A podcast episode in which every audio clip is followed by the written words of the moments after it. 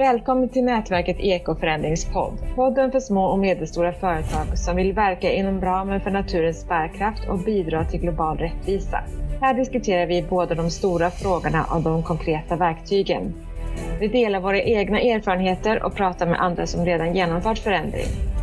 Vi hoppas att du vill följa med oss när vi utforskar vägarna mot ett mer hållbart företagande och näringsliv. Nu kör vi! Ja, hej och välkomna till detta avsnitt av Ekoförändringspodd. Idag ska vi prata om hållbarhet och hur det kopplar till eh, företag och organisationer. Vi som ska diskutera det är Kjell Mårtensson, företagsekonom och mångårig medarbetare på Malmö universitet. Karin Westerberg, humanekolog och egenföretagare. Och jag som ska hålla ihop det är Erik Ling, jägmästare och skogsvetare. Då tänkte jag börja fråga dig Kjell. Varför ska företag överhuvudtaget hålla på att lägga stora resurser och arbetsinsatser på hållbarhetsarbete? Vi har ju miljö och arbetsmiljölagstiftning i världsklass. Miljöskatter och sanktioner styr ju åt rätt håll lagstiftningen är inte tillräckligt kraftfull. Men ser man historiskt, om man ser på miljöskyddslagen, då handlar det om ett avgränsat område som var väldigt tydligt och eh, sätta lagstiftning på. Och där fungerar det väldigt bra för att reglera utsläpp till luft och vatten. Men dagens miljöproblem är ju mycket mer komplexa. Och sen så tror jag också att företagen då också börjar inse, eller har insett länge, att av rent konkurrensskäl och överlevnadsskäl så är det viktigt att jobba med de här frågorna.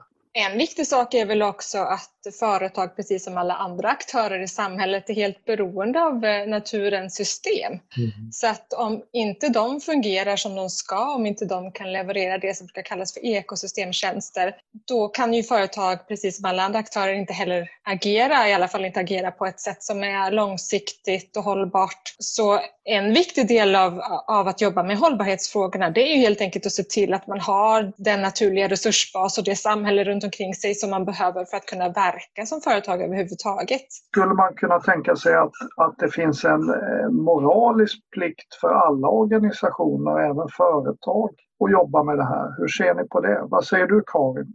Ja, som företagare så är man ju också del av ett större sammanhang, av ett samhälle. Man är, man är en medmänniska också bland andra medmänniskor. Och man måste väl också i sin företagsroll, tänker jag, fundera på vilken vilka värderingar står man för? Vilken typ av företag vill man driva? Hur vill man att det företaget ska vara en del av samhället? Och i det ligger ju också att ta, ta vara på den eh, natur som vi är beroende av. Vad säger du Kjell? Tror du att eh, Volvos VD vid nästa bokslut kommer att säga att det här gör vi för att vi ska kunna se oss själva i spegeln och känna oss lyckade? Går det hem på aktiemarknaden? Alltså jag liksom tycker ändå att man hör den typen av frågor komma upp. Det är också så att de frågorna kan väckas väldigt snabbt.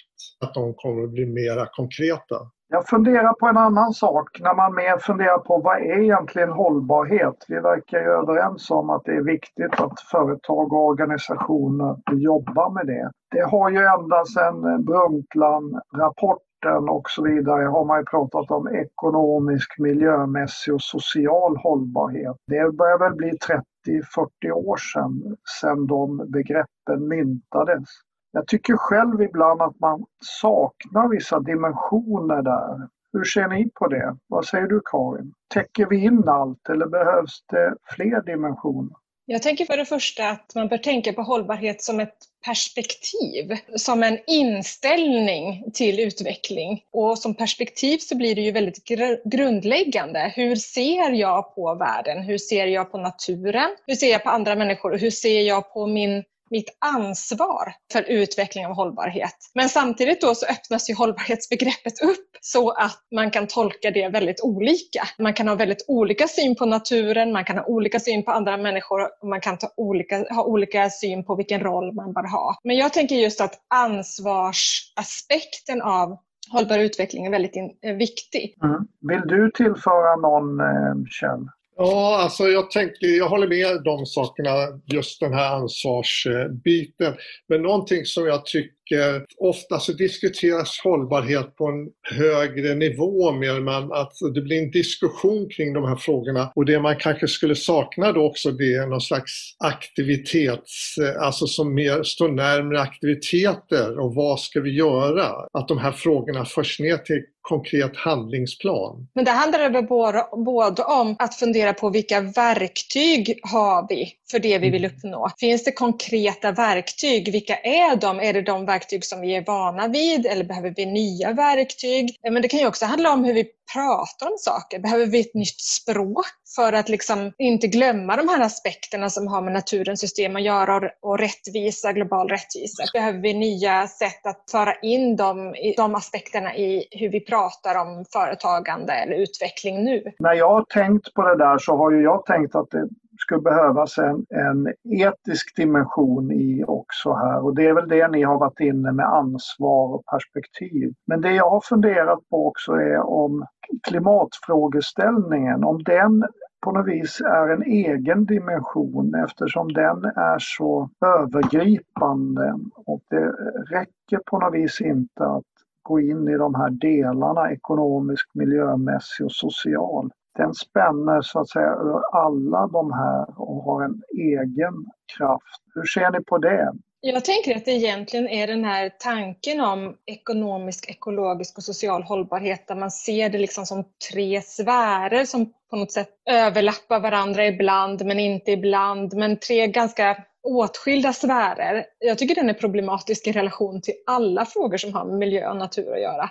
För att samhället och livet fungerar ju inte så att vi kan särskilja någonting och säga men det där är den ekonomiska lilla högen och här har vi det sociala och här har vi det ekologiska. Utan alla delar är ju helt och hållet beroende och invävda i varandra. Det, blir, det finns ju väldigt få delar i vårt liv som inte relaterar till naturen på något sätt. Det finns väldigt få delar av en ekonomisk verksamhet som inte är social. Och jag tänker att klimatfrågan är kanske snarare den fråga som har hjälpt oss att inse det. Det finns en tankevurpa här som inte riktigt håller hela vägen. Och då är det väldigt viktigt att diskutera de här tre perspektiven, vilken relation de kan ha. Att de kanske inte kan stå på samma rad eller på samma nivå.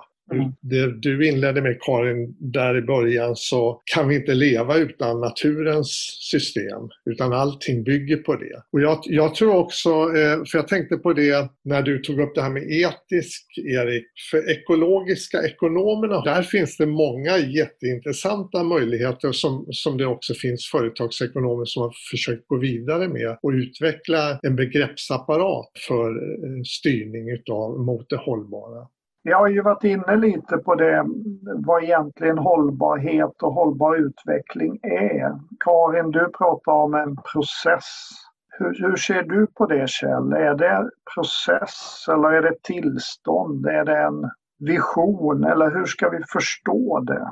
Alltså jag, jag, ser det som en riktning och då blir det en process också, en process mot någonting för att när man börjar arbeta med sådana här komplicerade frågor så kommer det hela tiden att dyka upp ny kunskap som man får anpassa sig till. Så jag, jag ser nog tydligt det som en riktning och, och, det är viktigt då att kunna precisera den riktningen så mycket som det går då. Jag tänker att det är en intressant fråga för att på ett sätt så tänker jag på görandet av hållbarhet som en process. Att vi måste se det stegvis och vi måste gå liksom i en process. Men sen så finns det ju samtidigt någonting absolut i det. Det som du själv var inne lite på tidigare, att det finns en form av hierarki där naturens system ändå måste vara yttre ramen mm. under vilket social rättvisa och ekonomiska system kan verka. Och då finns det ju faktiskt något absolut. Det finns ju ändå ganska bra beräknat nu var eh, naturens bortre gräns är någonstans. Var det börjar bli riktigt farligt för vår förmåga att överleva eller till, i alla fall för vår förmåga att upprätthålla samhällen där naturen inte längre orkar med. Det är en process för oss att hitta vägarna in innanför den ramen. Men det finns ju samtidigt ett absolut som är ja. att naturen går inte att rucka hur långt som helst. Det går inte att förhandla bortom vissa ramar.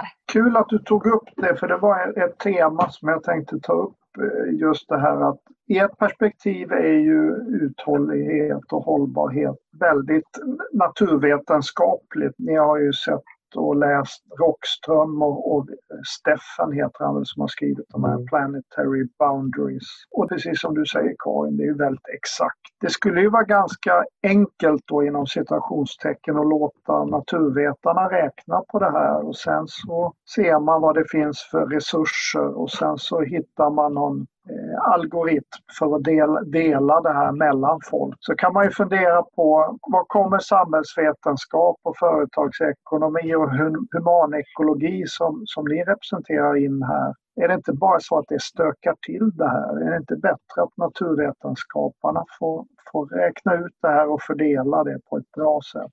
Ja, men, men samtidigt det språket måste ju ändå översättas in i de handlingarna, de aktörer som finns i företag. Det, då tror jag att det är viktigt att de ekonomiska normerna eller modellerna, reglerna och normerna eh, måste inkludera det här och visa. Så man måste utarbeta nya företagsekonomiska eh, hållbarhetsbegrepp som går att använda i de här organisationerna. Det är inte bara i företag utan det är lika som myndigheter och även även på politisk nivå.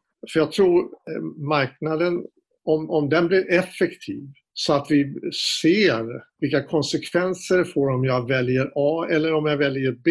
Då tror jag att marknaden är des, eh, den institutionen som skulle kunna fungera väldigt bra. Det är bara det att vi har fastnat i ekonomiska regler som egentligen är förankrade i verkligheten riktigt. Utan därför har då marknaden löpt amok när det gäller de här frågorna. Men sen så tänker jag att vi kan också eh, se genom samhällsvetenskapliga och humanistiska studier hur människor tacklar förändring, eh, hur, vad vi behöver för att eh, någonting ska kunna fortsätta vara demokratiskt fast vi kanske ställs inför allt svårare beslut till exempel. Och också hur skapar vi berättelser, det som Kjell var inne nästan först. Att om det är så att vi behöver ändra hur vi lever tillsammans och hur vi interagerar med varandra, då kanske det också är nya sätt att berätta om de relationerna, nya sätt att berätta om naturen och vår koppling till den. Det är någonting som konst och kultur kan bidra med också. Det som dock gör en ganska orolig är ju att det är ju egentligen väldigt lite som tyder på att eh, utvecklingen går mot hållbarhet. Väldigt få parametrar går ju åt rätt håll. Vad är det egentligen som talar för att det ska vända? Vad säger du Kjell? Nej, det är sant. Samtidigt är vi människor, oavsett om vi, var vi befinner oss i yrke eller, eller så, så har vi enorma resurser och vi har ju möjligheter. Vi kan ju skissa upp möjligheter som skulle kunna ge en riktning mot hållbarhet. Och det är därför också det behövs en berättelse, någon som öppnar upp för att skapa välstånd det är väl det som är meningen med företag och ekonomiska aktiviteter, att skapa värden eller skapa välstånd. Jag är pessimist ibland och optimist ibland. Jag är optimist därför att jag tycker att jag ser att det växer fram öar av liksom alternativ eller nya sätt att tänka. Det finns många unga entreprenörer som, som startar företag på helt, helt ekologisk eh, bas eller som har miljömål som väldigt centrala delar för att överhuvudtaget starta företag. Och jag tycker också att man märker att det finns liksom starkt på sociala medier, starka grupper eh, som pratar om sig, själv, sig själva utifrån ett konsumentperspektiv och hur kan man bli en bättre konsument i den här världen och så. Och sen finns det ju jättemånga företag och företagsledare som ibland går mycket längre än lagstiftningen som, som eh, till och med protesterar när politiker tar för få steg och så. Det finns ju en del större företag också som, som är sådana öar. Jag menar miljöproblemen har ju ändå blivit någonting som man talar om i företaget. Jag vet när jag var ute och intervjuade på 80-talet, då var det en miljöansvarig som som satt rätt så isolerat även de stora företagen som hade hand om miljöfrågorna. Men idag är ju det trots allt ändå en angelägenhet i företagen. Man pratar om miljöproblemen. Det tyckte jag var ett hoppfullt eh, slut, slutkommentar på den här podden. Jag får tacka för att ni tog er tid och lyssnade och eh, hoppas att ni har lust att titta in hos oss fler gånger. Hej då! Hej då! Hej då! Tack för att du var med oss idag. Vi hoppas att vårt samtal har gett dig något nytt att tänka på eller något nytt att pröva. Du hittar en sammanfattning av avsnittet och en lista över referenser på vår hemsida www.ekoförandring.se Där hittar du också poddens tidigare avsnitt och mer från oss i nätverket Ekoförändring. Vi publicerar ett nytt avsnitt av podden sista fredagen varje månad. Varmt välkommen då! Och till dess, låt oss gå ut och förändra.